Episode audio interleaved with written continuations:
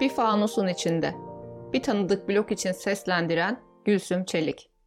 Bir fanusun içinde büyüyordum. Benden farklı düşünen insanlardan kopuk yetişiyor olmayı o zaman da eleştiriyordum. Hala da çok mantıklı bir şey olduğunu düşünmüyorum. Herkesin hakikate ulaşma hikayesi farklıdır. Ben bu konuda daha bahtlı olanlardanım. Dindar bir anne ve babanın kızı olarak dünyaya geldim. Annem ve babam hem İslam'ı hayatlarının her alanına uygulamaya çalışan hem de geleneksel bir din anlayışından uzak, bilinçli insanlardı.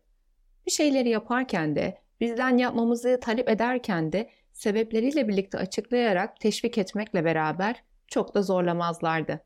Bunun ne kadar büyük bir nimet olduğunu insan büyüdükçe daha iyi anlıyor. 5. sınıftayken dini bir gruba bağlı özel bir okuldan burs kazanıp orada okumaya başladım. Velilerin de, öğretmenlerin de hemen hemen hepsi dini hassasiyetleri olan insanlardı. Bir fanusun içinde büyüyordum. Benden farklı düşünen insanlardan kopuk yetişiyor olmayı o zaman da eleştiriyordum. Hala da çok mantıklı bir şey olduğunu düşünmüyorum. Ama öte yandan o fanus beni belki de bazı arkadaşlarımı yaptığı gibi sıkıp bunaltmak yerine bana korunduğumu hissettiriyordu. Zaten Türkiye'nin o yıllardaki halinde de zamanı gelince başörtülü okuyabileceğim, vakit namazlarını okulda kılabileceğim, hocaların derslerde Allah'tan bahsedebildiği fazla bir seçenek yoktu. Yaşı bana yakın başörtülü kızları ilk kez o okulda gördüm. O yaşa kadar benim için yalnızca evde yapılan bir ibadet olan namazı aralarda arkadaşlarımla okulun mescidinde kılmaya başladım ve bunlar bana çocuk yaşta okul ve aile zoruyla ibadet ediyor gibi hissettirmekten ziyade beni mutlu ediyordu. Belki bir yetişkin değildim ama yine de aklım çalışıyordu ve beni yaratan, çok sevdiği için nimetleriyle donatan Allah'ın sevdiği şeyleri yaparak ona teşekkür etmek, onun huzuruna çıkıp dua ederek onun tarafından muhatap alındığımı bilmek gerçek bir huzur kaynağıydı. Tabii süreç her zaman bu kadar kolay ilerlemedi. Çocukken de, büyüdükçe de nefis ve şeytan sizinle her zaman uğraşıyordu. Evet namaz kılmak güzeldi ama düzenli bir şekilde kılmıyordum. Başörtüsünü duyunca evet bir gün ben de örtüneceğim diyordum ama o gün ne zaman gelir bilmiyordum. Ve tüm ergenler gibi okulumdan sürekli şikayet ediyordum. 5. sınıftayken Mevlid Kandili'nde okulda bir kutlu doğum programı düzenlenmesine karar verildi. Ben de sahneye çıkacaktım. Öğretmenim istersen o gün programa başını örtüp gelebilirsin dedi. Tamam olur tabii neden olmasın dedim. O akşam okula annemin başörtülerinden birini takıp gittim ve sonraki günler her zamanki halimle okumaya devam ettim. Aradan bir yıl geçti. 18 Nisan 2008 günü okulda yine kutlu doğum programı vardı ve ben yine sahneye çıkacaktım. Bu sefer kimse bir öneriyle gelmemişti ama ben kendi geleneğimi devam ettirmek istiyordum. O akşam yine başımı örtüp gittim okula. Önceki yıl sanırım henüz ilkokulda olduğum için herkes tek seferlik bir şey olduğunu anlamıştı ama o yıl beni öyle gören öğretmenlerim ve arkadaşlarım ''Aa kapandın mı çok yakışmış, yüzüne ne kadar gitmiş'' gibi şeyler söylediler gece boyunca. Soranlara tek seferlik bir şey olduğunu söylüyordum ama tepkiler hoşuma gitmişti yine de. Akşam eve dönünce annemle babamı karşıma aldım ve dedim ki bugünden sonra başımı bir daha açmayacağım. Hem çok şaşırdılar hem de korktular. Muhtemelen bana çaktırmadan sevinmişlerdir de.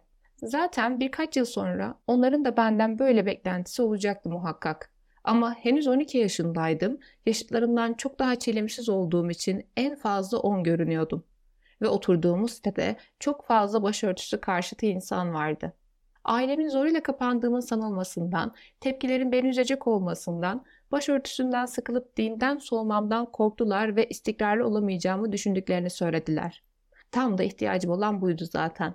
Birileri bana yapamayacağımı söylemeliydi ve ben inat edip devam etmeliydim.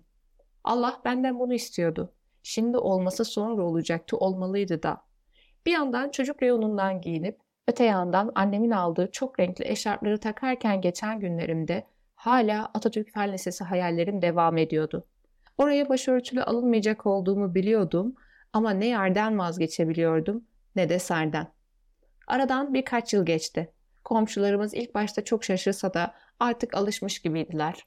Akrabalar da bu yaşta kızı niye zorladınız biraz bekleseydiniz ya diye annemlere çıkışmaktan vazgeçmişti. Ben arada güzel tokalar taşlar gördüğümde onları takıp dışarı çıkamadığıma üzülüyordum. Çocuk olunca insanın varoluşsal problemleri de güzel tokalar oluyor tabii.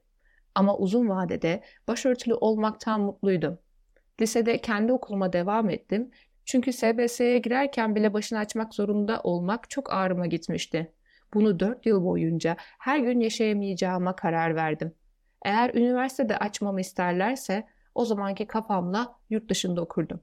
Bir gün ben başörtümü düzeltirken tanımadığım bir abla gülümseyip yaşımı sordu. Biliyor musun ben de senin yaşında kapanmıştım. Şimdi 24 yaşındayım ve o günden beri hiç pişman olmadım dedi.